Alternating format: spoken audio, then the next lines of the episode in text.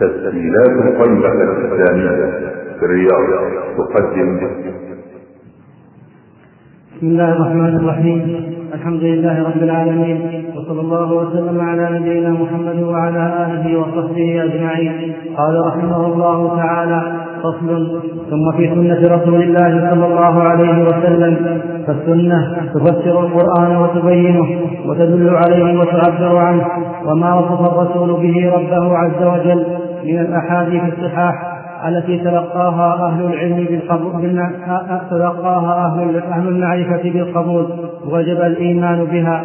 فمن ذلك مثل قوله صلى الله عليه وسلم ينزل ربنا إلى السماء الدنيا كل ليلة حين يبقى ثلث الليل الآخر فيقول من يدعوني فأستجيب له من يسألني فأعطيه من يستغفرني فأغفر له. متفق عليه. وقوله صلى الله عليه وسلم لله أشد فرحا بتوبة عبده من أحدكم براحلته. الحديث متفق عليه. وقوله صلى الله عليه وسلم يضحك الله إلى رجلين يقتل أحدهما الآخر كلاهما يدخلان الجنة. متفق عليه. وقوله عجب ربنا من قنوط عباده وقرب غيره. عجب, عجب ربنا من قنوط عباده وقرب غيره. ينظر إليكم ينظر إليكم أزلين قنطين فيظل يضحك يعلم أن فرجكم قريب. حديث حسن. وقوله صلى الله عليه وسلم لا تزال جهنم يلقى فيها وهي تقول هل من مزيد حتى يضع رب العزة فيها رجله. وفي رواية عليها قدمه فينزوي بعضها إلى بعض فتقول قط قط متفق عليه.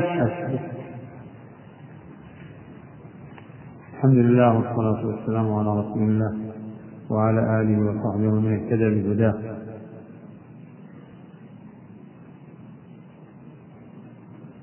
تقدم في مذهب في بيان مذهب أهل السنة والجماعة في في صفات الرب سبحانه وتعالى وأسمائه. أنه أنهم يصفون الله بما وصف به نفسه وما وصفه به رسوله صلى الله عليه وسلم.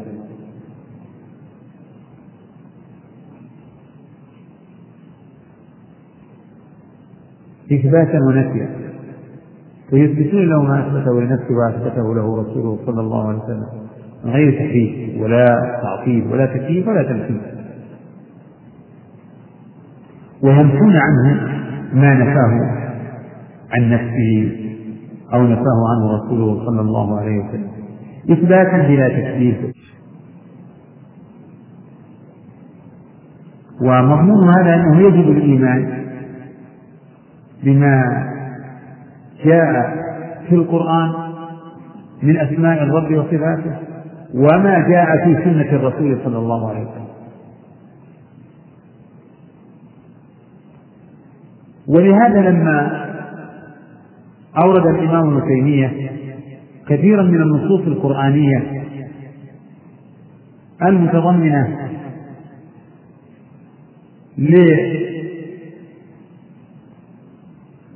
لكثير من أسماء الله وصفاته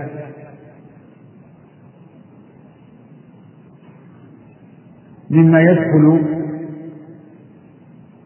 في القاعدة المتقدمة. وهي أنه سبحانه وتعالى موصوف بالإثبات والنفي أتبع ذلك بذكر بعض النصوص النبوية المشتملة على بعض أسماء الرب وصفاته.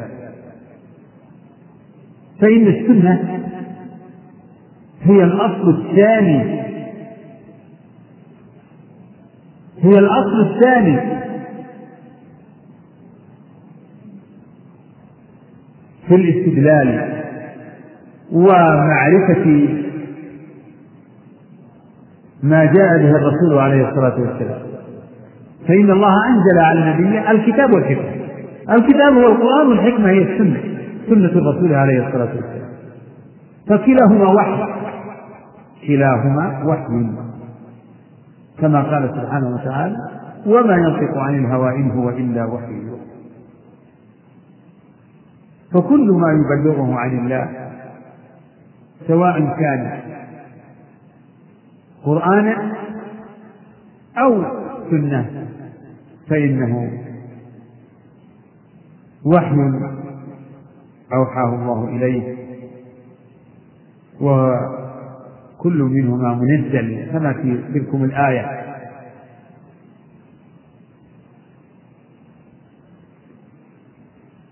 وأنزل الله عليك الكتاب والحكمة وعلمك ما لم تكن تعلم وكان فضل الله عليك عظيما فيجب فيجب الإيمان بكل ما أخبر الله به في كتابه أو أخبر به الرسول صلى الله عليه وسلم في سنته كما يجب العمل بما أمر الله به في القرآن؟ والانتهاء عما نهى عنه سبحانه؟ وكذلك ما أمر به الرسول صلى الله عليه وسلم أو نهى عنه فإنه يجب العمل بأوامره صلى الله عليه وسلم بأوامره ونواهيه وطاعته في أمره ونهيه.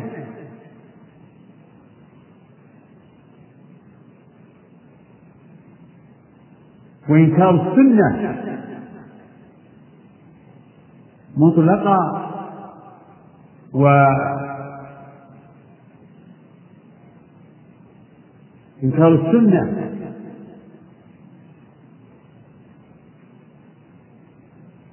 ودعوى أن أننا لسنا مكلفين إلا بالقرآن؟ كفر وضلال. ومخالفة للقرآن. فإن الله تعالى أمر باتباع الرسول وبطاعة الرسول وأخبر أنه أنزل الحكمة على الرسول كما سبق. قال الشيخ رحمه الله إن السنة تفسر القرآن وتبينه وتدل عليه وتعبر عنه. فالسنة والمراد بالسنة في هذا السياق سنة الرسول عليه الصلاة والسلام. وهي أقواله وأفعاله وتقريراته. هذا هو المراد بالسنة. إذا ذكر الكتاب والسنة فقيل الكتاب والسنة فالمراد بها سنة الرسول التي تشمل أقواله وأفعاله وتقريره فسنة الرسول القولية والفعلية والتقريرية هي تبين وتفسر القرآن وتدل على القرآن وتعبر.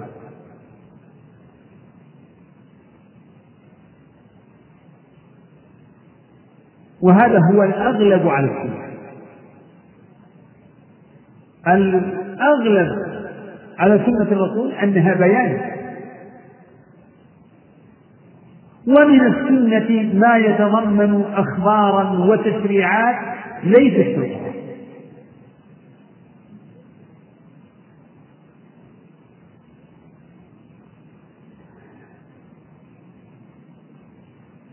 قال الله تعالى بالبينات والزبر وأنزلنا إليك الذكر أي القرآن. وأنزلنا إليك الذكر لتبين للناس ما نزل إليهم ولعلهم فالرسول عليه الصلاة والسلام قد فسر القرآن وبين فبين ففسر, ففسر ما أشكل من ألفاظه. فإن كثيرا من ألفاظه يعرفها المخاطبون باللسان العربي. كما قال ابن عباس التفسير على أربعة أوجه. تفسير تعريفه العرب من كلامها وتفسير لا يعذر واحد بجهله وتفسير تعلمه العلماء وتفسير لا يعلمه إلا الله. من ادعى علما فهو كاذب. فالرسول صلى الله عليه وسلم بين القرآن فالسنة فيها تفصيل ما أجمل في القرآن. وتقييد المطلق وتخصيص العام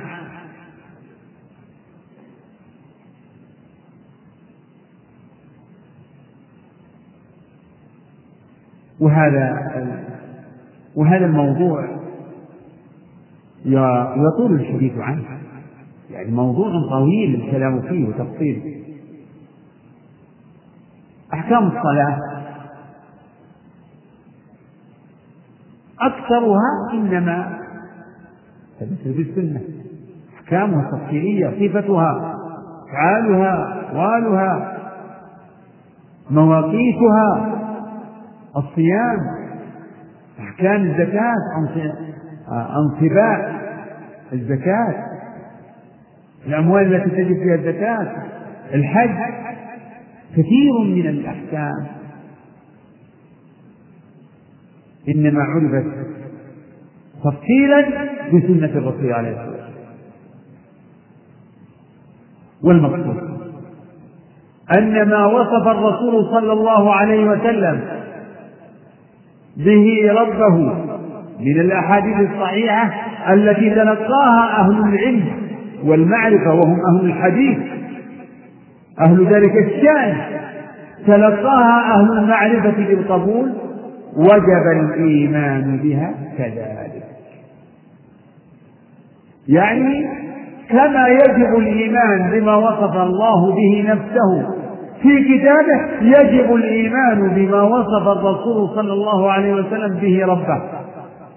من الأحاديث الصحيحة التي تلقاها أهل العلم بهذا الشأن بالقبول. يجب الإيمان بها.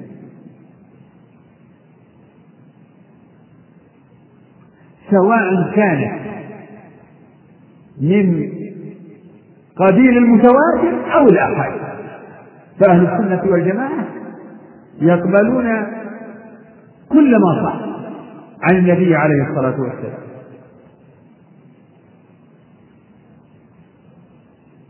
أما أهل البدع فإنهم بناء على أصولهم الفاسدة في نفي صفات الرب سبحانه يردون نصوص الصفات.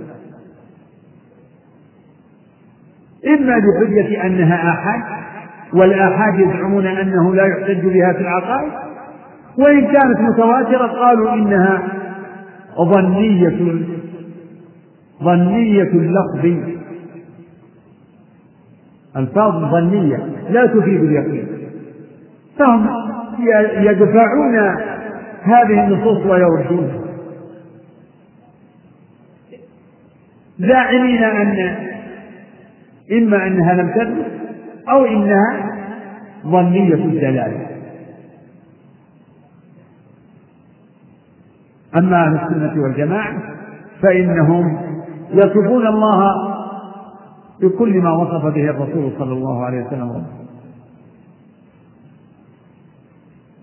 مما صح عنه صلى الله عليه وسلم في الأحاديث التي تلقاها أهل العلم بالحديث بالقبول ويؤمنون بذلك.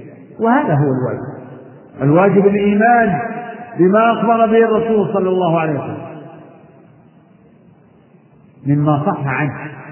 كما يجب الإيمان بما في القرآن. وقد أورد الإمام ابن تيمية في هذا الفصل أمثلة لهذه الأحاديث وهذه الأحاديث التي أوردها الإمام ابن تيمية منها ما دل على صفات قد دل عليها القرآن.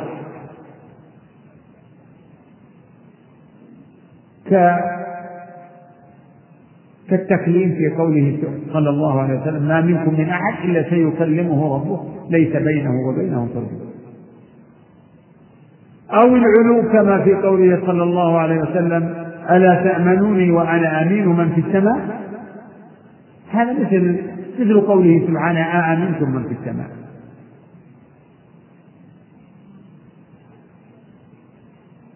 وكقوله للجارية أين الله؟ قالت في السماء.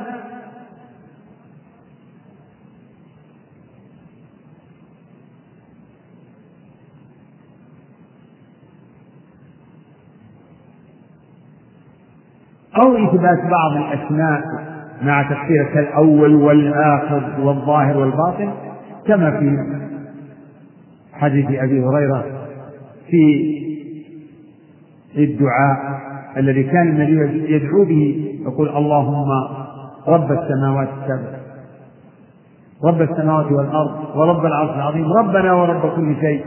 إلى قوله اللهم أنت الأول فليس قبلك شيء وأنت الآخر فليس بعدك شيء وأنت الظاهر فليس فوقك شيء. أقول إن كل هذه الأحاديث إن يعني إنما دلت على مثل ما دل عليه دلت على مثل ما دل عليه القرآن. فتكون هذه الصفات قد تطابقت عليها دلالة القرآن ودلالة السنة. فتكون ثابتة بالكتاب والسنة. والإجماع يعني إجماع أهل السنة والجماعة. ومثل ذلك الرؤية. فقد ذكر الشيخ في آخر ما أورده من الأحاديث قوله صلى الله عليه وسلم إنكم سترون ربكم كما ترون القمر ليلة البدر وكما ترون الشمس صحوا ليس دونها أو كما قال عليه الصلاة والسلام. وهذا أيضا مما ثبت بالكتاب. فرؤية العباد لربهم قد دلت عليها نصوص من القرآن ودلت عليها السنة المتواترة. وأجمع على ذلك سلفا ومن وهذه النصوص أعني تلك النصوص التي قد دلت على مثل ما دل عليه القرآن سنكتفي في هذه هذه الإشارة.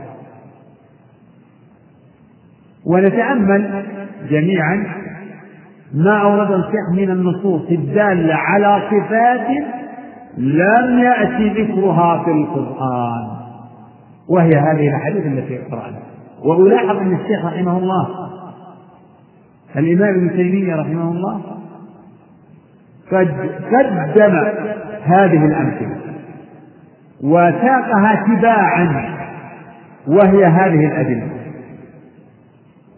حديث النزول الفرح الضحك حديث القدم نعم. فهذه الصفات إنما ثبتت في السنة فليس في القرآن ذكر لهذه الصفات فيما فيما أبدا. فأول ذلك قوله صلى الله عليه وسلم ينزل ربنا إلى السماء الدنيا كل ليلة حين يبقى ثلث الليل الآخر. فيقول من يدعوني فأستجيب له من يسألني فأعطيه من يستغفرني فأغفر وهذا الحديث رواه جمع غفير من الصحابة وعده أهل العلم من المتواتر فقد تواترت السنة عن النبي عليه الصلاة والسلام بإثبات نزول الرب تعالى في آخر الليل ينزل ربنا. لذلك أهل السنة والجماعة يثبتون هذه يثبتون النزول الإلهي ويؤمنون به مع نفي مماثلة فيه بنزول الخلق ونفي العلم بالكيفية. فيقول إنه تعالى ينزل. ينزل حقيقة. وإذا قلنا ينزل حقيقة فلا يعني أنه ينزل مثل نزول العباد. لا ينزل كيف شاء. ينزل ولكن ونزول والنزول معلوم والكيف مجهول ينزل. ونزوله يتضمن دنوا وقربا. ولكن ليس كنزول العباد. فالله أعلم بكيفية. لكنه ينزل هو. لا كما يقول المعطلة تنزل رحمته. أو أمره. أو ينزل ملك. فهذا من التحريف الذي ينكره أهل السنة والجماعة ويرفضونه والله قد ذم اليهود لتحريف الكلمة عن مواضعه وهذا من هذا. فالرسول يقول ينزل ربنا. والأصل الحقيقة الأصل أنه هو. ينزل ربنا. الأصل أنه هو. ويؤكد الحقيقة أنه ليس مراد أمر أو رحمة أو غيره. يؤكد قوله فيقول من يدعوني. هذا يمنع من احتمال المجال. يمنع. من يدعوني فأستجيب له. هل يجوز أن يقول الملك من يدعوني؟ هل تقول الرحمة من يدعوني؟ فأستجيب له. من يسألني فأعطيه من يستغفرني فأهل السنة مجمعون على أن النزول من فعل الرب تعالى وأنه هو الذي ينزل حقيقة. ولكن لا كنزولنا ولا يقدر وهذا من من أفعاله النزول صفة فعلية. يكون بمشيئته. والمعطلة يلبسون على الجهال ويقولون هذا يتضمن أن الله يزول عن مكانه.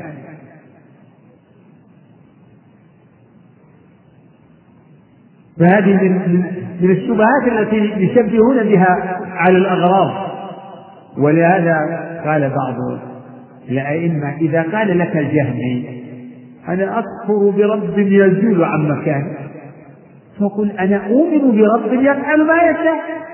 ما أحسن هذا الرد؟ البسيط المفهم أنا أؤمن برب يفعل ما يشاء. يفعل ما يشاء ينزل كيف شاء سوى على الأرض كيف شاء يجيء يوم القيامة للفصل بين عباده كيف شاء فعال ما يريد. أما إذا قيل إنه لا ينزل لا كذا لا كذا معناه يتحدث هذا الرب لا يفعل ما يريد؟ ما يقدر. تعجيز للرب تنقص. فالذي يفعل أكمل ممن لا يفعل.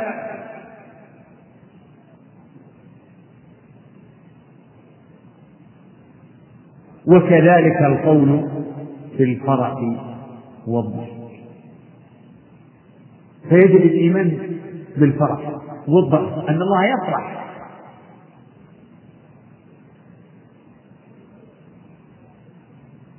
وفرحه تعالى يتضمن محبته بما يفرح به ورضاه به وعنه.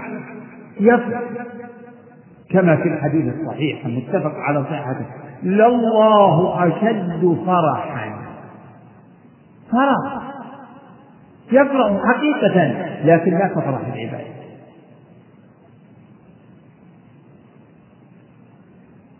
إذا فسرنا فرح العباد بأن فرحهم كذا لذة و وسرور بما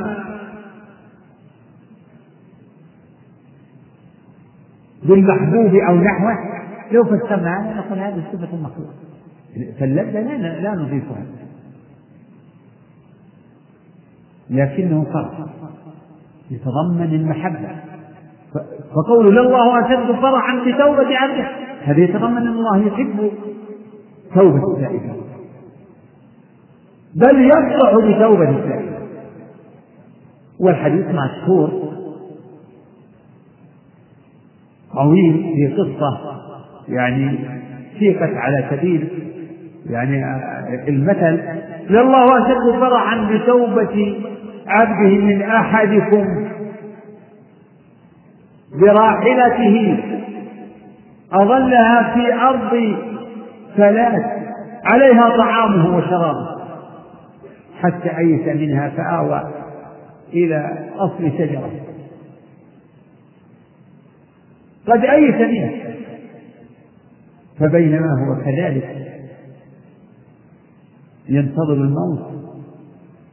إذ هي على إذ هي عند رأسه. فأخذ بخطامها وقال اللهم أنت عبدي وأنا ربك. أخطأ من شدة الفرح اللهم أنت عبدي. فرح فرح أيس من الحياة. وفجأة يجد راحلته عند رأسه واقفة وعليها طعام طعامه انظروا إلى هذا التصوير على وجه يعني في حدود معلوم وإلا فشأن الله أعظم لله أشد فرحا بتوبة عبده من هذا المسلك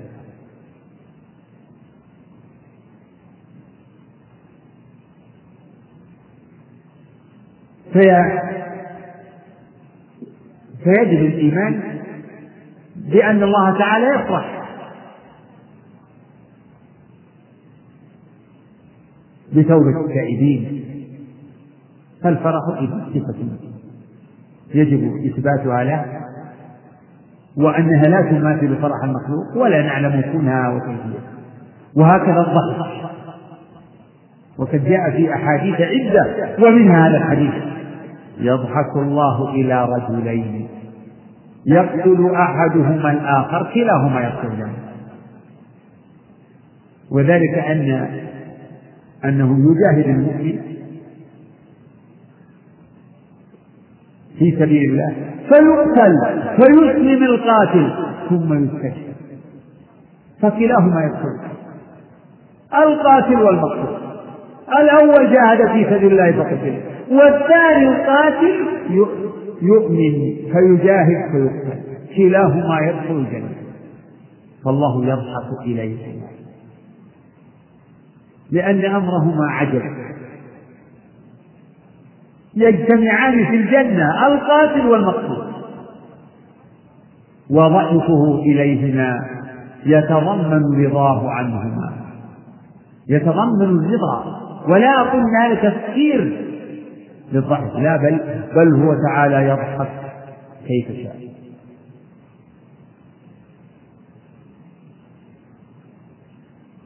وهو وهو معنى يختلف عن معنى الفرح فيجب إثبات ذلك كله. مع نفي التمثيل ونفي العلم بالكيفية. وإذا كان العلم بالكيفية مستحيلا فلا يجوز التفكر في كيفية وجود الرب أو فرحه. أو ضحكه لا تفكر في الكيفية. لأنه لا سبيل إلى أن تعلم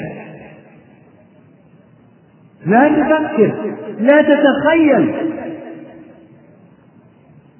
بل إيمان إثبات لما أخبر به الرسول صلى الله عليه وسلم عن ربه.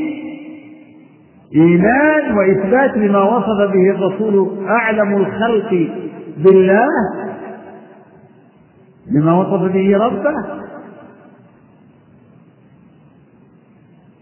مع نفي التمثيل ونفي العلم بالكيفية.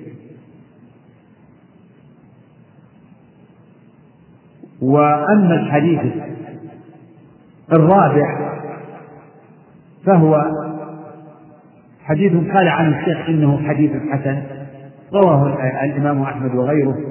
من حديث طويل والشيخ اقتصر على الشاهد كما اقتصر على الشاهد في الحديث الثاني. عجب ربنا. لفظه عجب؟ عجب ربنا من قنوط عباده وقوم بغيره.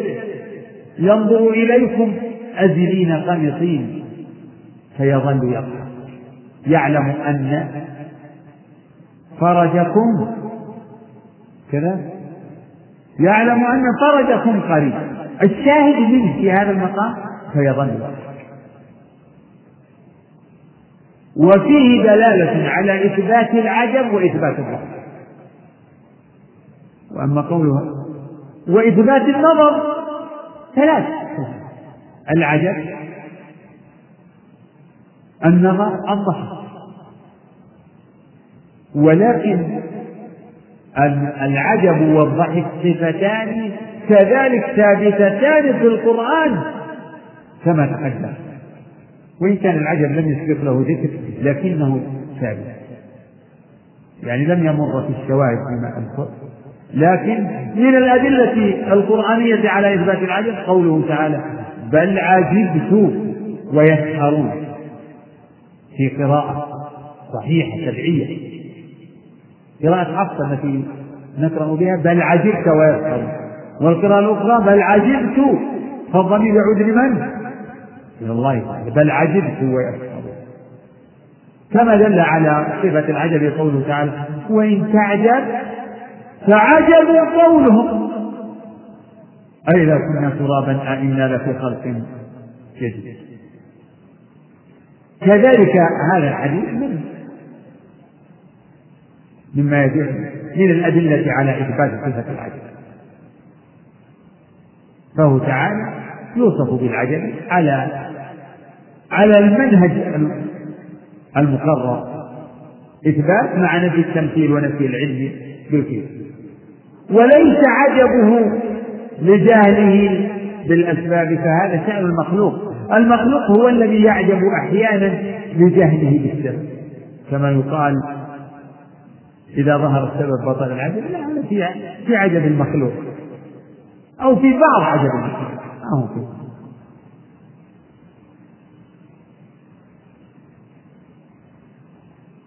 عجب ربك عجب ربنا من قنوط عباده. القنوط شدة اليأس وقرب غيره. بينما العباد قنطون أزلون. والأزل هو الشدة والأزل هو الذي قد بلغت به الشدة حدا بعيدا استولى عليه اليأس. فالأزل والغنم معناهما متقارب. ينظر إليكم أزلين قنطين. فيظل يضحك يعلم أن فرجه. مع قرب الفرج وقرب تغيير الأحوال تغيير الله للأحوال من الشدة إلى الرخاء من القحط إلى الخفض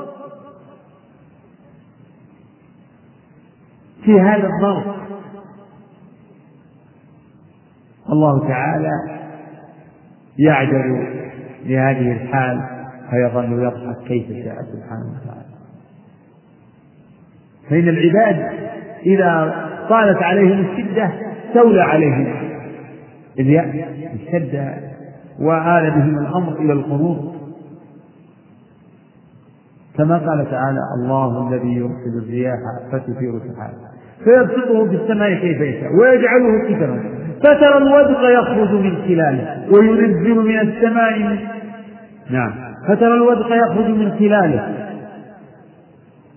لا. فترى الودق يخرج من خلاله. فإذا أصاب به من يشاء من عباده إذا هم يستبشرون. وإن كانوا من قبل أن ينزل عليهم من قبله لمبلسين فانظر إلى آثار رحمة الله. كيف يحيي الأرض بعد موتها؟ إن ذلك لمحيي الموتى وهو على كل شيء قدير.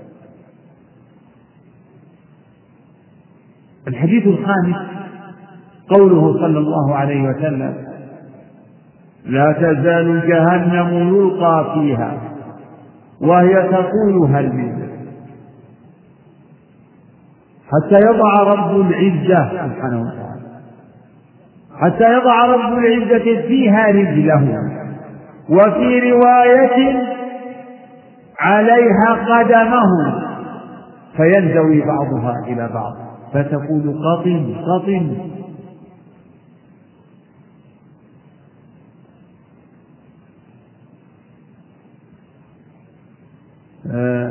والحديث متفق عليه. وفي هذا الحديث إثبات الرجل والقدم له سبحانه وتعالى.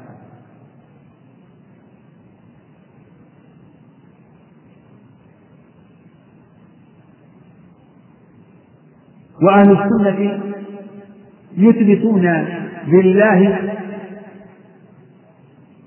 ما جاء في هذا الحديث على حقيقته كما يثبتون سائر الصفات كما يثبتون اليدين والعينين له سبحانه وتعالى.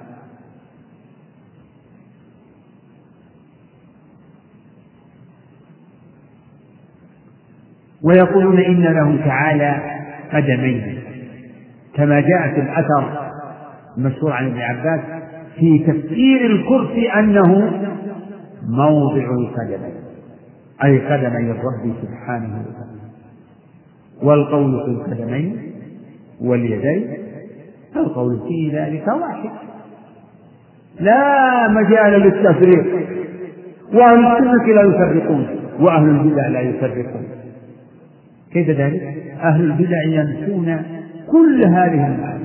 ينفون كما ينفون حقيقة نزوله واستوائه. ينفون كذلك حقيقة الفرح والضحك والعجب وينفون اليدين والعينين والوجه والقدم ينفون ذلك كله. لأن مبدأهم أن إثبات الصفات لله يستلزم التجسيم ويستلزم التشبيه وما أشبه ذلك. ثم إما إن كانت نصوص قرآنية لا سبيل يعني لا يمكن أن أن يدفعوها بعدم الثبوت لكن يقفون منها كما تقدم أحد موقفين. إما التفويض بأن يجروها ألفاظا من غير فهم لمعناها ومن غير تدبر زاعمين أنها لا تدل على شيء أو التأويل بحملها على معاني بعيدة.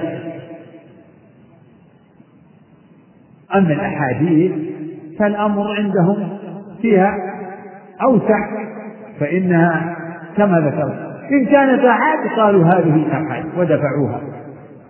من أول من أول الأمر دون أن ينظروا فيها دون أن ينظر دون أن يحكموا على متنها بتفويض أو تأويل. لا يحتاج يدفعونها يردونها.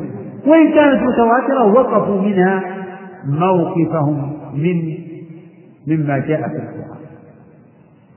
فالجهمية والمعتزلة بل وكذلك الأشاعرة هذه الطوائف هم يتفقون على نفي هذه الصفات التي دلت عليها السنة الصحيحة عن النبي عليه الصلاة والسلام. كما نفوا كثير كما نفوا ما جاء في القرآن.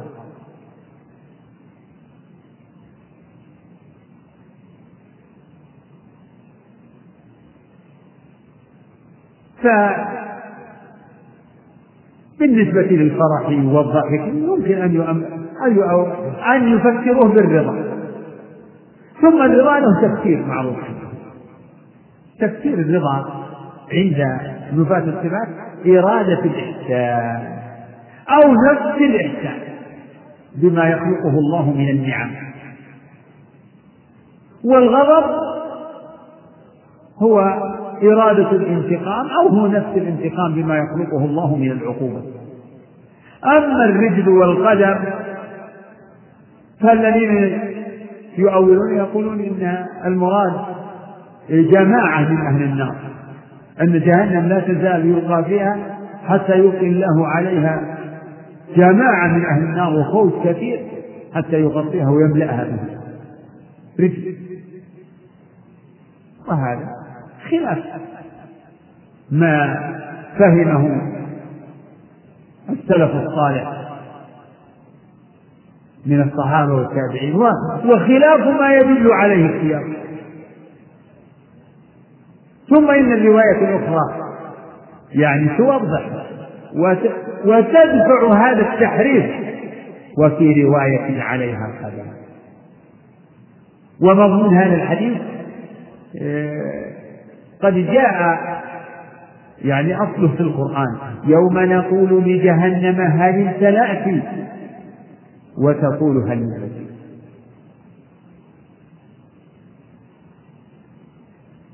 فهذا فهذه الآية آه، شاهدة لما أخبر به الرسول عليه الصلاة والسلام. وكلام الله وكلام الرسول يصدق بعضهم بعضا. لا تزال جهنم. يلقى فيها يعني أه- أهلها يلقى فيها أهلها. كلما ألقي فيها فوج سألهم خزنتها ألم يأتكم نبي؟ أهل جهنم يلقون فيها إلقاء يطرحون طرحا. أفمن يلقى في النار خير أم من يأتي آميا يوم القيامة؟ لا تزال جهنم يلقى فيها.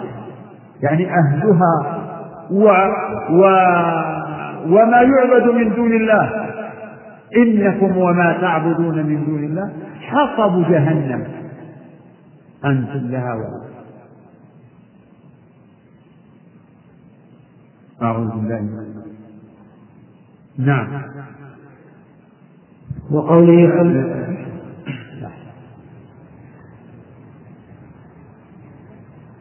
فقوله صلى الله عليه وسلم لا تزال جهنم يعني إنها تبقى وتستمر تطلب المزيد. تستمر. فقوله لا يزال هذا الفعل يدل على الاستمرار.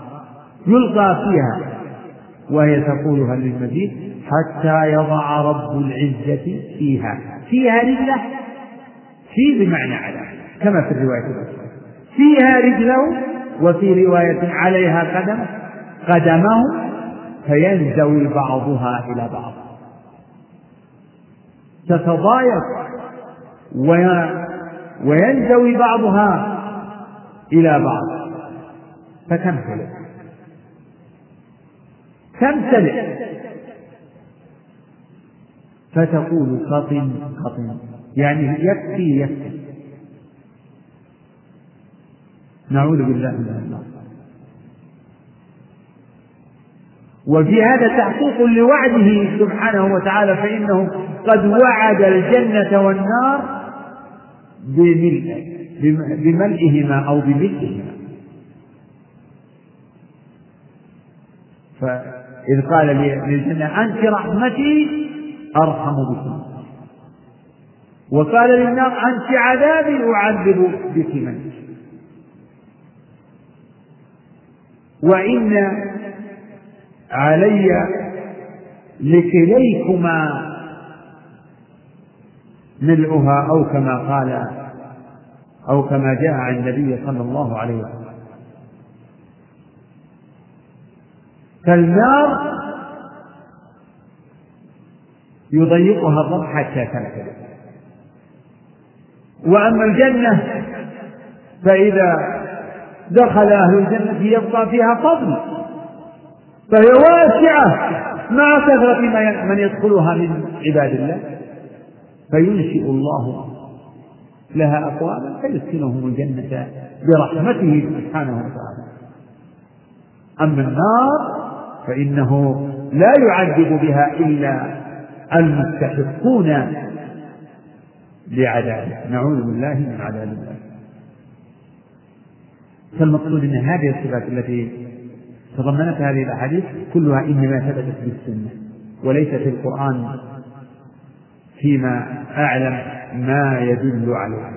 أما ما بعد هذه الأحاديث إلى آخر ما أورده الشيخ فكلها قد يعني دلت على صفات دل عليها القرآن. التكليم العلو آه، آه، مثلا القرب إثبات بعض الأسماء كالأول والآخر إلى آخر إثبات الرؤية. والله أعلم. وبهذا نعتبر يعني نكون قد آه، فرغنا من آه، استعراض كل ما تضمنه هذا الفصل من الأحاديث. ونقف عند آه، ختام هذا الفصل الذي ضمنه الشيخ يعني مقارنة بين أهل السنة وسائر طوائف المبتدعة والله أعلم. وصلى الله على نبينا من فضلك اقلب الشريط.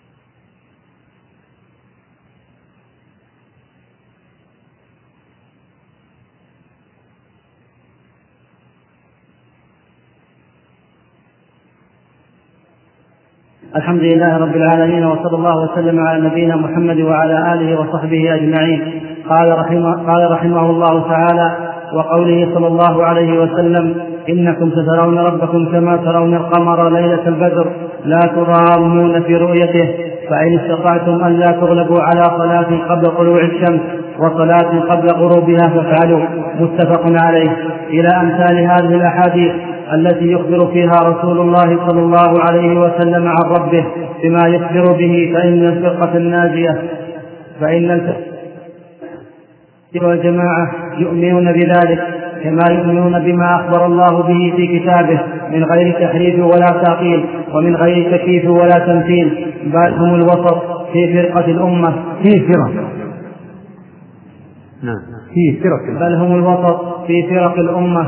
كما أن الأمة هي الوسط في الأمم فهم وسط في باب صفات الله سبحانه وتعالى بين أهل التعطيل الجهمية وأهل التمثيل المشبهة وهم وسط في باب أفعال الله بين الجبرية والقدرية وغيرهم وفي باب وعيد الله بين المرجئة والوعيدية من القدرية وغيرهم وفي باب أسماء الإيمان والدين بين الحرورية والمعتزلة وبين المرجئة والجهمية وفي أصحاب رسول الله صلى الله عليه وسلم بين الرافضة والخوارج. انتهى. الحمد لله والصلاة والسلام على رسول الله وعلى آله وصحبه ومن اهتدى بهداه.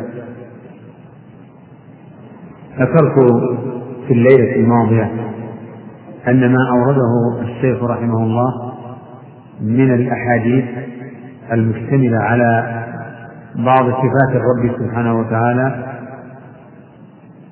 منها ما دل على مثل ما دل عليه القرآن كالتكليم والعلو والمعية و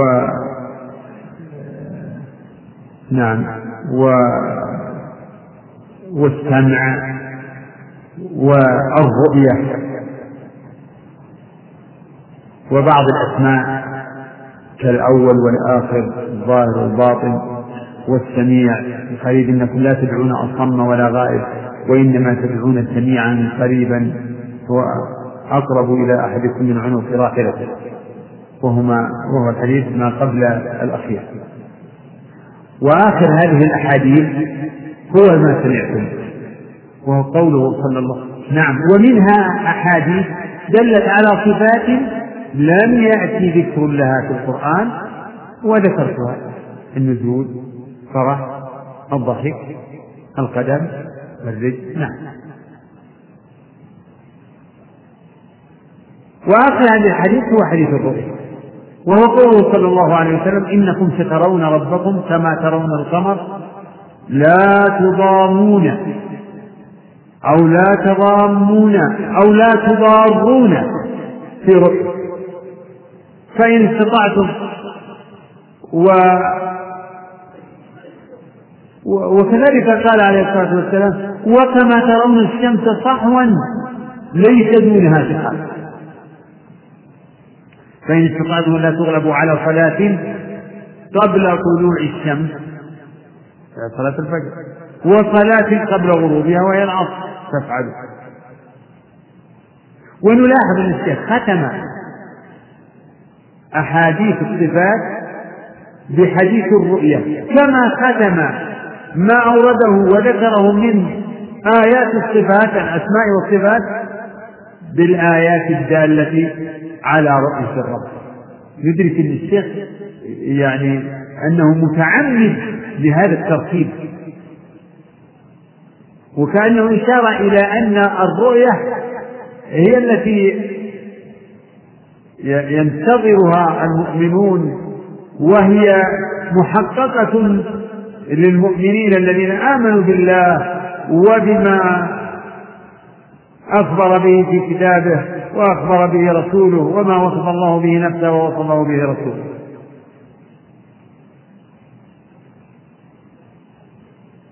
وأحاديث الرؤية من الأحاديث المتواترة.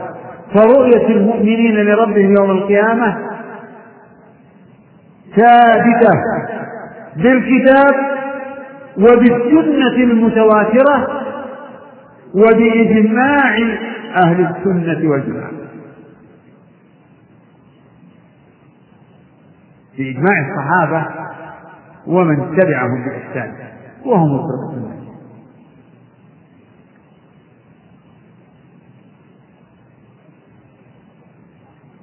يقول الشيخ إلى أمثال هذه الأحاديث. يعني هذه النماذج. وإلا فأحاديث الصفات كثيرة. لا حصر لها كثيرة جدا. إلى أمثال هذه الأحاديث التي يخبر فيها الرسول صلى الله عليه وسلم بما يخبر به عن ربه. يعني من الأسماء والصفات والأفعال. فإن الفرقة الناجية المنصورة أهل السنة والجماعة يؤمنون بذلك كما يؤمنون بما أخبر الله به في كتابه. لا يفرقون بين ما جاء في القرآن وما جاء في السنة لا بل يقبلون هذا وهذا. يؤمنون بهذا كله. بما أخبر به الرسول عليه الصلاة والسلام عن ربه من أسمائه وصفاته كما يؤمنون بما أخبر الله به في كتابه من الأسماء والصفات. من غير تحريف ولا تكييف. من غير تحريف ولا تعطيل ولا تكييف ولا تمثيل كما تقدم. تقدم ذكر مذهب أهل السنة والجماعة في هذا الباب. يقول الشيخ فإن الفرقة الناجية وسط في فرق الأمة. الفرقة الناجية وسط هي هي الوسط في فرق الأمة معتدلة هي عدل الخيار الوسط هي العدل الخيار أو هو العدل الخيار.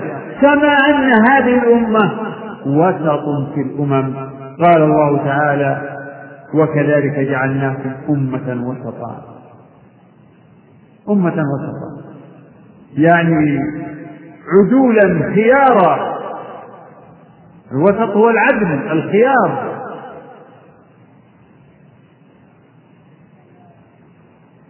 فلا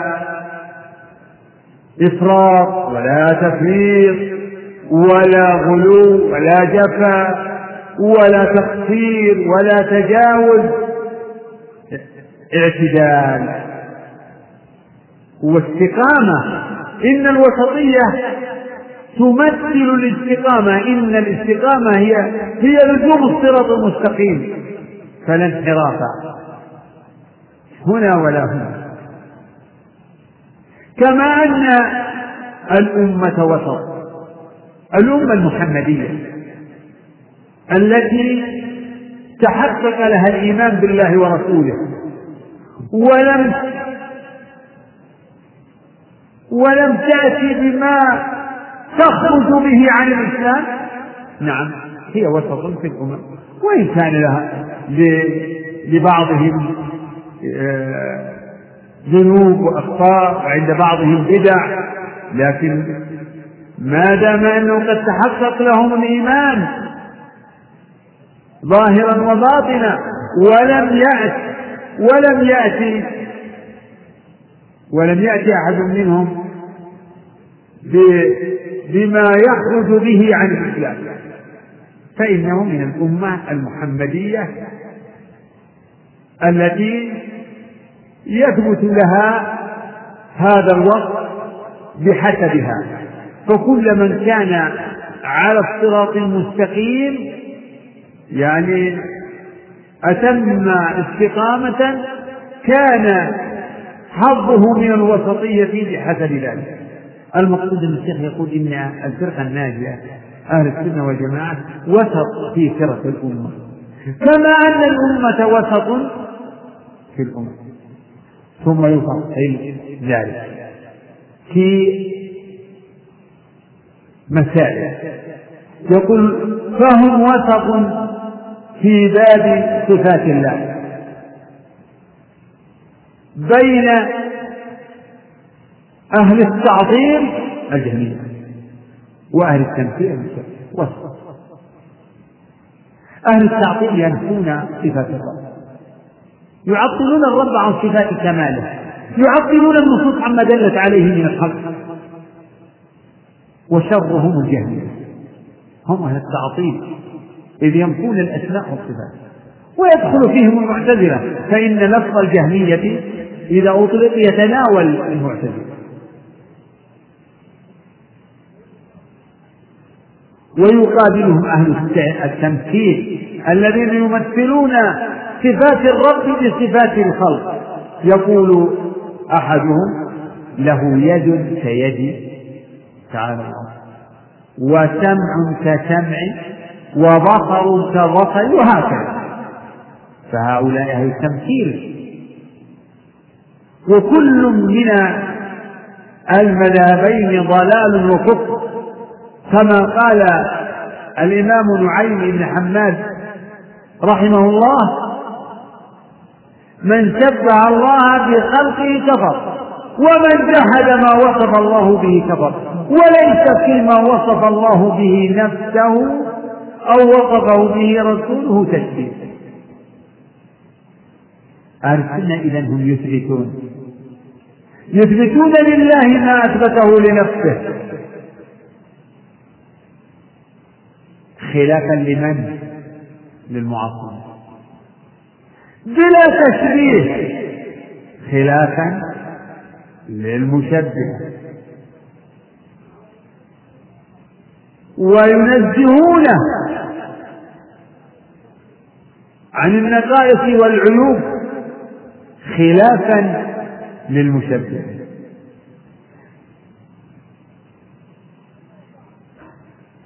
بلا تعطيل. خلافا لمن؟ للمعطلة. فإن المعطلة غلوا في التنزيه. غلوا يعني يزعمون أنهم ينفون الصفات عن الله. حذرا من التشبيه. فغلوا في التنزيه فأفضى بهم ذلك إلى التعطيل. وفروا من تشبيه فوقعوا في تشبيه أقبح والمعطلة غلوا في والمشبهة يعني أهل التمثيل غلوا في الإثبات حتى شبهوا الله بخلقه. ولهذا قال بعض أهل العلم إن المعطل يعبد عدم لأن في جميع الصفات تلزم في الذات والمشبه يعبد صنما. المشبه الذي يقول آه لله سمع كسمع وبصر كبصر هذا ليس ليس هذا هو الله. الإله الحق الذي لا يستحق العبادة سواه. فأهل السنة وسط ولهذا نقول إنهم يثبتون لله الأسماء والصفات وينزهونه عن كل ما لا يليق به إثباتا بلا تشبيه وتنزيها بلا تعطيل. فهذه وسطيتهم. فكانوا بريئين من الإفراط والتفريط وسائر آه، الانحرافات والضلالات التي وقع فيها من خالفهم. ثانيا وهم وسط. أيضا أهل السنة وسط. في باب ماذا؟ في باب؟ في باب أفعال الله. هذا الثاني؟ أفعال. في باب أفعال الله. بين الجبرية والقدرية. وسط في أفعال الله. بين الجبرية والقدرية. الجبرية يقولون لا فعل. بل كل ما كل الأفعال أفعال الله فالعبد لا فعل له. والله هو الفعال لكل شيء. وعلى مذهبهم الباطل الخبيث يكون الله هو الفاعل لأفعال العبد بمعنى أنه هو الموصوف بها حقيقة. فهو المصلي والصائم. وكذا والآكل والشارب. ونترك الباقي. لأنه في شناعة. فلا فعل للعبد. العبد حركاته لا اختيار له فيها ولا إرادة ولا مشيئة. بل مثله مثل الريشة في مهب الريح وحركته كحركة الأشجار وحركة المرتعش والعروق النابضة ويقابلهم الجبرية القدرية و و ومنهم المعتزلة المعتزلة القدرية. هؤلاء ينفون القدر والجبرية يثبتونه. لكنهم يغلون في الإثبات وأما القدرية فيراد به في الغالب النفاة الذين يقولون إن الله تعالى لا لا لا يقدر على أفعال العبد بمعنى أنه أن العبد يخلق فعله فيتصرف دون مشيئة الله ودون قدرته فالله لا يقدر على أن يجعل هذا مؤمنا وهذا كافرا ويجعل المطيع عاصيا أو العاصي مطيعا أو الكافر مؤمن أبدا. العبد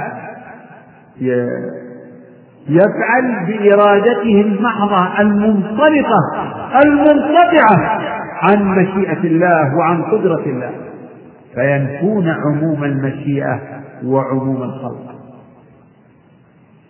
أهل السنة والجماعة بين ذلك وسط في أفعال الله. فيقولون إنه تعالى خالق كل شيء. فجميع ما في الوجود هو خلقه. خالق السماوات والأرض ومن وهو خالق العباد وخالق قدرتهم وإرادتهم وخالق أفعالهم. الله خالق كل شيء. والله خلقكم وما تعملون. ولكن للعبد فعل. فأفعال العباد ليست أفعالا لله ليست أفعالا. العبد هو المصلي والصائم والراكع والساجد والآكل والشارب والصادق والكاذب والعادل والظالم والسارق وهكذا هذا. العبد هو الذي يوصف بهذه الأفعال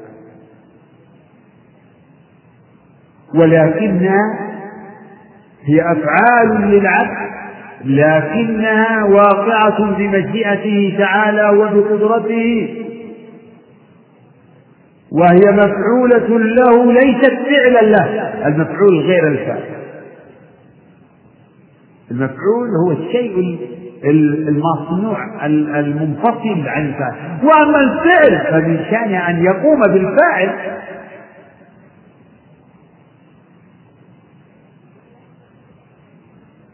ولهذا ذكرت لكم أن الذين ينكرون المحبة والرضا والغضب والسخط وينفون ذلك ينفون هذه الصفات عن عن الله. يفسرونها بعضهم يفسرها بعضهم بأشياء منفصلة. بمفعولات. مفعولات بالنعم وبالعقوبات. المخلوقة إذا أهل السنة والجماعة وسط في أفعال الله بين الفكرية. الذين يقولون إن العبد مجبور وليس له إرادة ولا اختيار ولا فعل. وإضافة الأفعال إليه إضافة مجازية وإلا فهي في الحقيقة أفعال لله. و و وهم وسط أعني أهل السنة بين الجبرية وبين القدرية النفاة الذين يقولون إن العبد يخلق فعله وأنه لا تعلق لمشيئة الله ولا لقدرته بأفعال الله.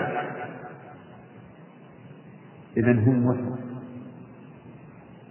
فأهل السنة يثبتون القدر. يؤمنون بالقدر بكل مراتبه. ومع ذلك يؤمنون بالشرع ويثبتون فعل العبد فخالفوا بذلك الجبرية والقدرية وكانوا وسطا بين الطائفتين الضالتين المنحرفتين. ثالثا وهم وسط أعني الفرقة الناجية أهل السنة. وسط في باب وعيد الله. بين من؟ بين الخوارج. بين من؟ آه، وسط بين آه، المرجئة بين بين المرجئة والوعيدية بين المرجئة والجهمية والوعيدية من الخوارج والمعتزلة الخوارج والمعتزلة يدخلون كلهم وعيدية. والجهمية مرجئة. فأهل السنة في باب الوعيد. المرد بالوعيد ما توعد الله به العصاة من أهل كبائر الذنوب من الموحدين. كما توعد الله القاتل وآكل مال اليتيم وآكل الربا وتوعد آه، ما توعد به من فر من الجاه وتوعد به آه، مثلا القاذف المحصنات الغافلات المؤمنات وما أشبه ذلك من نصوص الوعيد. الوعيد الوعيد هو يعني الوعد بالعذاب والعقاب. أهل السنة وسط في نصوص الوعيد. بين المرجعة الجهمية والوعيدية من الخوارج والمعتزلة. فالمرجعة عندهم يعني نظرتهم إلى الوعيد نظرة ضعيفة لأن عندهم إن الإيمان هو التصديق أو المعرفة فقط. قريب قريب من قريب. إذا يقولون قولتهم المشهورة إنه لا يضر مع الإيمان مع الإيمان ذنب كما لا ينفع مع الكفر. صح. انتهى. إذا الوعيد راس ما في وعيد. ليفعل المسلم يفعل ما يشاء ولا ولا يخاف. هذا هذه نظرة المرجئة إلى وعيد الله. ينظرون إليه نظرة يعني نظرة تهوين وتهاون وغفلة وإعراض. لا يقيمون له. أما الوعيدية فيقولون إن الوعيد الذي توعد الله به العصاة هذا حتمي. فمن مات مصرا على كبيرة فلا بد له من دخول النار. وإذا دخل النار فلا بد له من الخلود فيها. من هم الوعيدين الخوارج. الخوارج والمعتزلة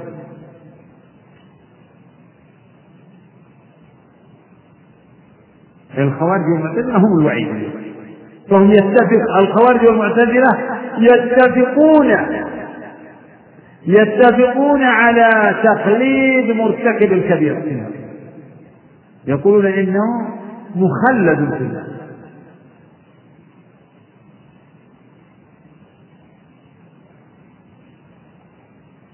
وأهل السنة والجماعة وسط في هذا المقام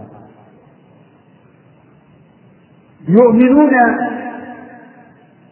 بما جاء في الكتاب والسنة من الوعيد مما توعد الله به في كتابه أو على لسان رسوله صلى الله عليه وسلم ما توعد به من عصاه وخالف أمره.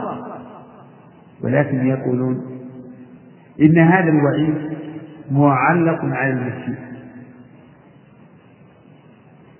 فالعاصي إذا مات هو تحت مشيئته لقوله تعالى إن الله لا يغفر أن يشرك به ويغفر ما دون ذلك من يشاء فهو تحت مشيئة الله إن شاء عذبه وإن شاء غفر له وإن عذبه فمآله إلى الخروج من النار. إن عذبه بالنار فمآله إلى الخروج منه للأحاديث المتواترة في خروج الموحدين من النار. فيقولون إن مرتكب الكبيرة مستحق للوعيد ومتعرض للوعيد ولا بد أن يعذب الله من شاء من مرتكب الكبيرة خلافا للخوارج للمرجئة الجهمية. ويقولون إنه تحت مشيئة الله. إن شاء غفر له وإن شاء عذبه. ويدخله النار عذبه بقدر ذنبه ثم أخرجه من النار. خلافا لمن؟ للخوارج والمعتزلة إذا يقولون الوعيد نصوص الوعيد تمر كما جاءت. يعني تمر كما جاءت لا لا تحرف وإن كانت كل نصوص الوعيد على الذنوب مقيدة بقيد متفق عليه وهو نصوص التوبة. فكل من تاب من من الذنب تاب الله. ومقيدة بنصوص بقوله تعالى إن الله لا يغفر أن يشرك به ويغفر ما دون ذلك لمن ومقيدة بنصوص آه، خروج الموحدين من النار. ورابعا أهل السنة والجماعة وسط في في أثناء الإيمان والدين. بين من؟ المرجئة. بين الحرورية والمعتزلة وبين المرجئة والجهمية قريب هذا التقابل قريب من الذي قبله. في ترابط تماما هو قريب من الذي قبله. التقابل بين الطائفتين المتطرفتين المنحرفتين التقابل واحد. أهل السنة والجماعة وسط في أسماء الإيمان والدين. أسماء الإيمان والدين هي الأسماء الشرعية التي ترجع إلى الدين وحال الإنسان في دين. مؤمن كافر فاسق منافق عاصي. هذه هي الأشياء أسماء الإيمان والدين. فأهل السنة وسط في هذه الأسماء التي يعني تتضمن أحكاما وتستتبع أحكاما دنيوية وأخروية. وسط في هذه في هذا الباب في باب أسماء في باب أسماء الإيمان والدين أو في باب الأسماء والأحكام. بين الحرورية آه، اسم للخوارج. نسبة إلى الموضع الذي خرجوا فيه حرورة الحرورية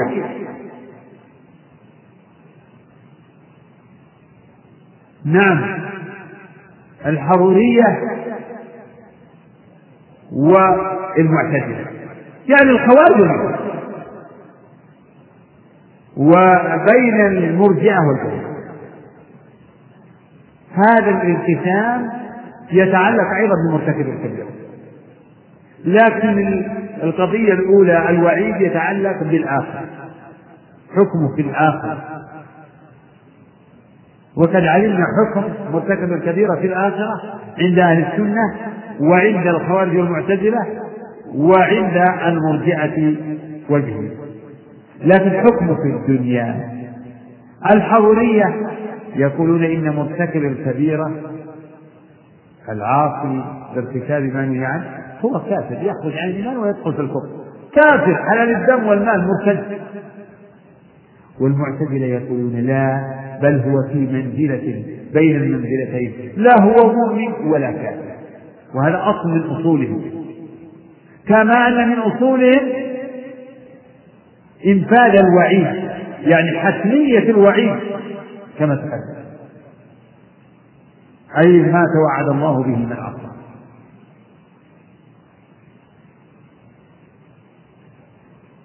وأما المرجئة فيقول أبدا.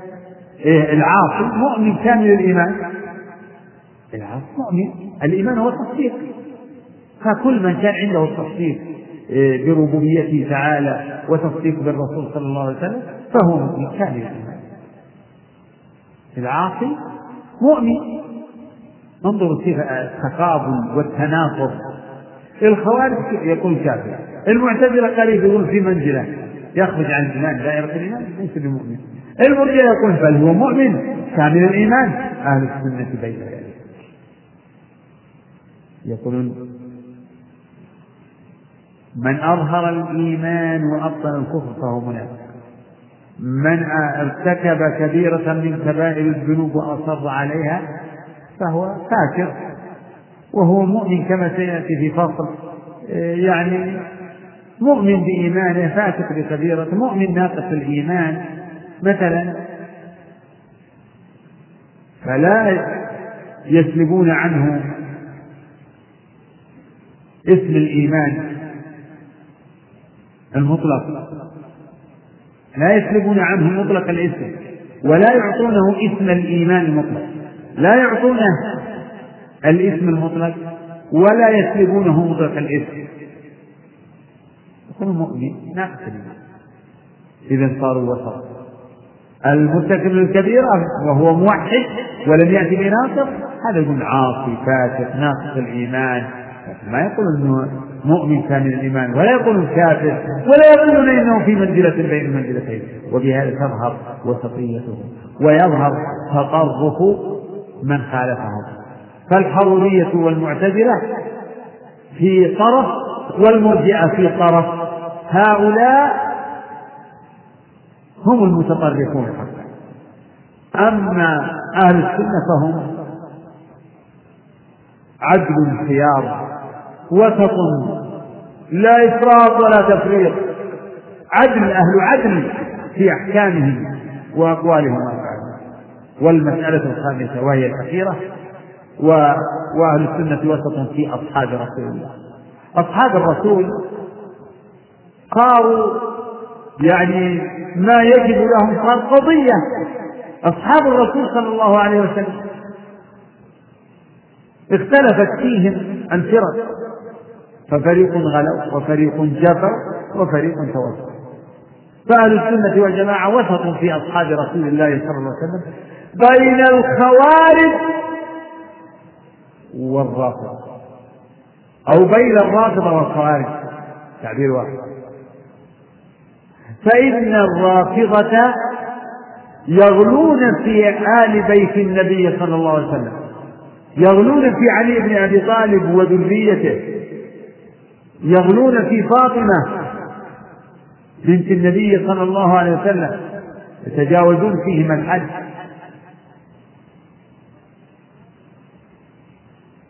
وأما الخوارج فإنهم يكفرون كثيرا من الصحابة ومنهم علي رضي الله عنه. فكان فكانوا مع الرافضة على طرفي نقيض.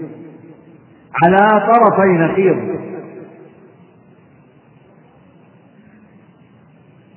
والرافضة هم شر النواصب. فإن النواصب أو الطائفة الناصبة هم الذين ينصبون العداء لآل بيت النبي صلى نعم لآل بيته لأهل بيت النبي صلى الله عليه وسلم.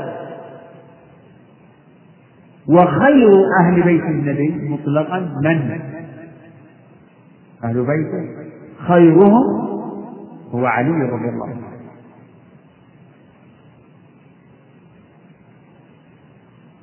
وإن كان الرافضة يجمعون بين غلوهم يجمعون مع غلوهم في علي وذريته نصب العداوة لخير هذه الأمة بعد نبيها لأبي بكر وعمر وعثمان وجمهور الصحابة ولا يستثنون إلا نفرا قليلا. فهم شر من الرافضة. أعني شر ممن من الخوارج. هم شر من الخوارج.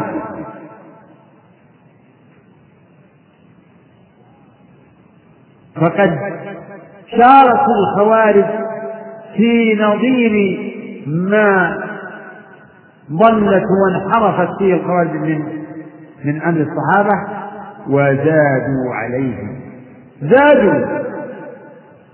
فالرافضه شر والروافض والخوارج خير منهم بكثير.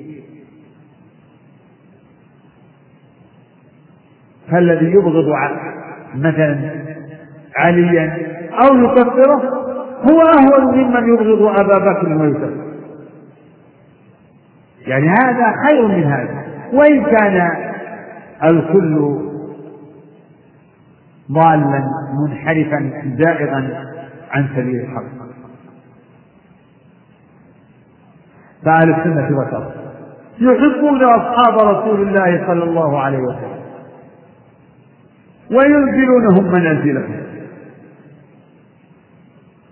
ولا يبغضون أحدا منهم ولا يتبرؤون من أحد منهم ولا يذكرونهم إلا بالجميل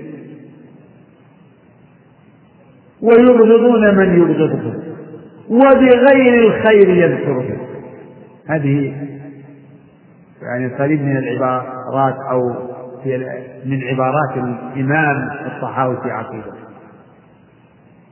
ونحب أصحاب رسول الله. نحن على السنة نحب أصحاب رسول الله. صلى الله عليه وسلم. ولا نغلو في أحد منهم. وسط. ينزلونه منازلهم فلا غلو كما صنعت الروافض. ولا جفاء كما صنعت الخوارج فأهل السنة في في وسط في أصحاب رسول الله صلى الله عليه وسلم بين الرافضة والخوارج اللهم نعم اقرأ الفصل الذي بعده.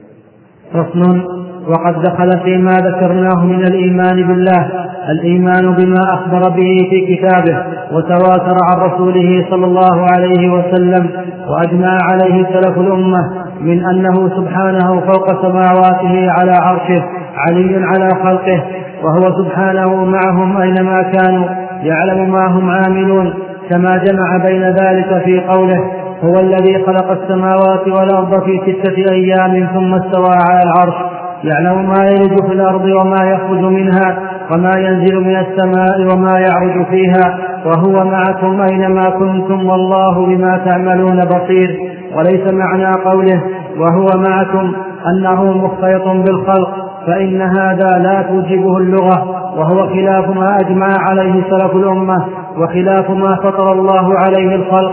بل القمر آية من آيات الله من أصغر مخلوقاته وهو موضوع في السماء وهو مع المسافر وغير المسافر أينما كان وهو سبحانه فوق عرشه رقيب على خلقه مهيمن عليهم مطلع عليهم إلى غير ذلك من معاني ربوبيته. وكل هذا الكلام الذي ذكره الله من أنه فوق العرش وأنه معنا حق على حقيقته لا يحتاج إلى تحريف ولكن يصان عن الظنون الكاذبة مثل أن يظن أن ظاهر قوله في السماء أن الله أن السماء تقله أو تظله وهذا باطل بإجماع أهل العلم والإيمان فإن الله قد وسع كرسيه السماوات والأرض وهو الذي يمسك السماوات والأرض أن تزولا ويمسك السماء أن تقع على الأرض إلا بإذنه ومن آياته أن تقوم السماء والأرض بأمره. هذا فصل.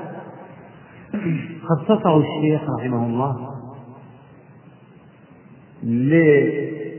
لتقرير صفتين من صفات الله. تقدم ذكرهما و وذكر أدلتهما من الكتاب ومن السنة. ألا وهما علوه تعالى على خلقه واستواءه على عرشه ومعيته لعباده. هاتان صفتان تقدم ذكر الأدلة على العلو والأدلة على المعية في ما أورده الشيخ من النصوص القرآنية وفيما أورده من الأحاديث النبوية. ولكنه خصص لهاتين الصفتين فصلا خاصا لوجود الاضطراب في هذا المقام وعروض الاشتباه أو كثرة الاشتباه في هذا الأمر. يقول الشيخ رحمه الله من الإيمان بالله. الإيمان بما أخبر الله به في كتابه وتواتر عن رسوله وأجمع عليه سلف الأمة من أنه سبحانه وتعالى فوق سماواته مستو على عرشه وأنه سبحانه وتعالى مع عباده كما في آية الحديث. فإن الله تعالى قد جمع في آية الحديث بين الأمرين بين ذكر العلو والمعية. هو الذي خلق السماوات والأرض في ستة أيام ثم استوى على العرش. سواء على وارتفع وارتفع يعلم ما يرجو في الأرض وما يخرج منها وما ينزل من السماء وما يعرج فيها وهو معكم أينما كنتم. والله بما تعملون. فمن الإيمان بالله الإيمان بعلوه تعالى وفوقيته على خلقه واستوائه على عرشه. وأنه تعالى مع ذلك هو مع عباده. لا يخفى عليه شيء من أمره.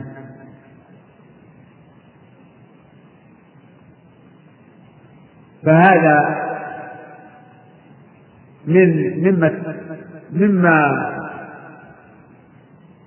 أخبر الله به في كتابه وأخبر عنه به رسوله وأجمع عليه سلف الأمة. إذا هاتان الصفتان ثابتتان الكتاب والسنة والإجماع.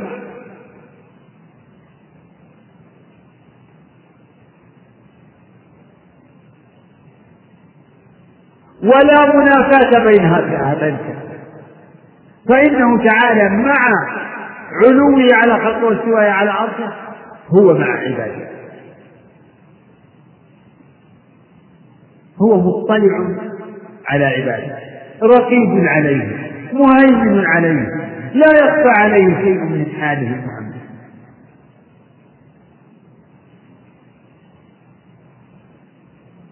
والمعية التي وصف الله بها نفسه ويجب إثباتها له. لا تقتضي لا تقتضي اختلاطا بالخلق. لا تقتضي أن يكون الله مختلطا بالخلق وحالا في الخلق. تعالى الله عن ذلك. يقول الشيخ فإن هذا المعنى الباطل لا توجبه اللغة المعية لا تقتضي اختلاطا ولا حلولا لا توجبه اللغة وهو خلاف ما أجمع عليه سلف الأمة وخلاف ما فطر الله عليه فالذين لم يفهموا من معيته تعالى لعباده إلا أنه مختلط بهم حال فيهم حتى يقولون إنه في كل مكان. هؤلاء خارجون عن موجب اللغة مخالفون لما أجمع عليه سلف الأمة ومخالفون لما تقتضيه الفطرة السوية.